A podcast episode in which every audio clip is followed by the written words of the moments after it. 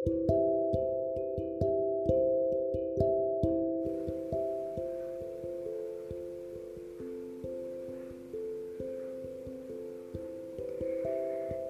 malam anak-anak. Selamat bergabung dalam siaran dongeng sebelum tidur. Sebelum mendengarkan dongeng, Ibu mau tanya, apakah anak-anak sudah gosok gigi? Wah, hebat, sudah gosok gigi. Bagi yang belum, Jangan lupa untuk gosok gigi ya. Nah, sekarang waktunya kita untuk dongeng sebelum tidur.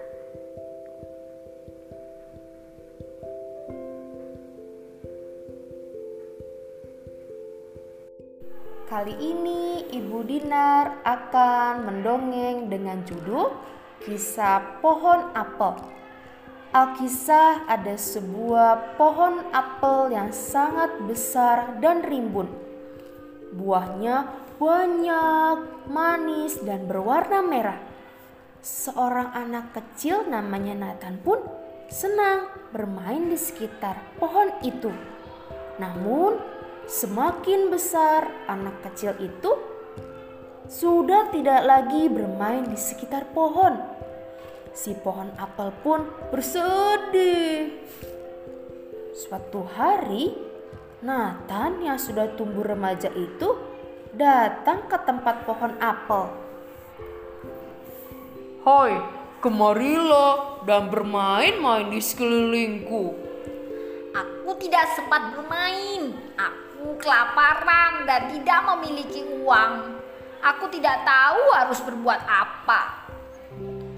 Kalau begitu, ambil saja semua buahku untuk kamu jual di pasar.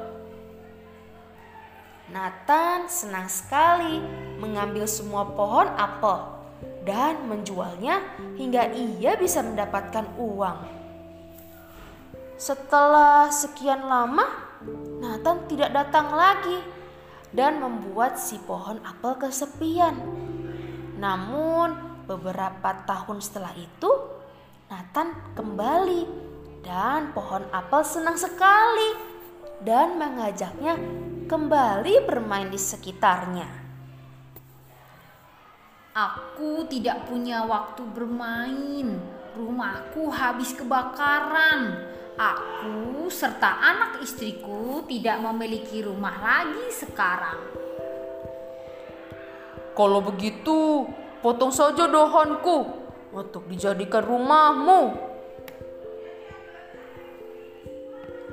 Nathan pun gembira luar biasa dan langsung memotong habis batang pohon dengan hanya menyisakan sedikit batang serta akarnya. Bertahun-tahun lamanya Nathan tak kembali lagi. Si pohon apel benar-benar merasa kesepian. Namun, saat Nathan datang, wajahnya sudah tua dan tubuhnya sudah bungkuk. Apa lagi yang kau butuhkan? Aku sudah tidak memiliki apa-apa. Buahku sudah habis. Batangku pun sudah kau tebang. Aku hanya memiliki akar saat ini.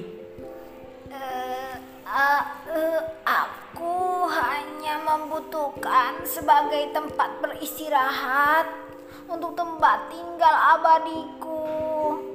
Aku memilih tempat ini di dekatmu karena kamu adalah teman terbaikku. Nathan pun yang sudah menjadi kakek-kakek meninggal dunia dan dikuburkan di dekat pohon apel itu. Anak-anak, dari dongeng yang kita dengar tadi, kita belajar untuk menolong dengan tulus. Sekian dongeng sebelum tidur untuk malam ini. Sampai bertemu di dongeng berikutnya. Sebelum tidur, jangan lupa berdoa dulu ya. Selamat tidur, selamat beristirahat.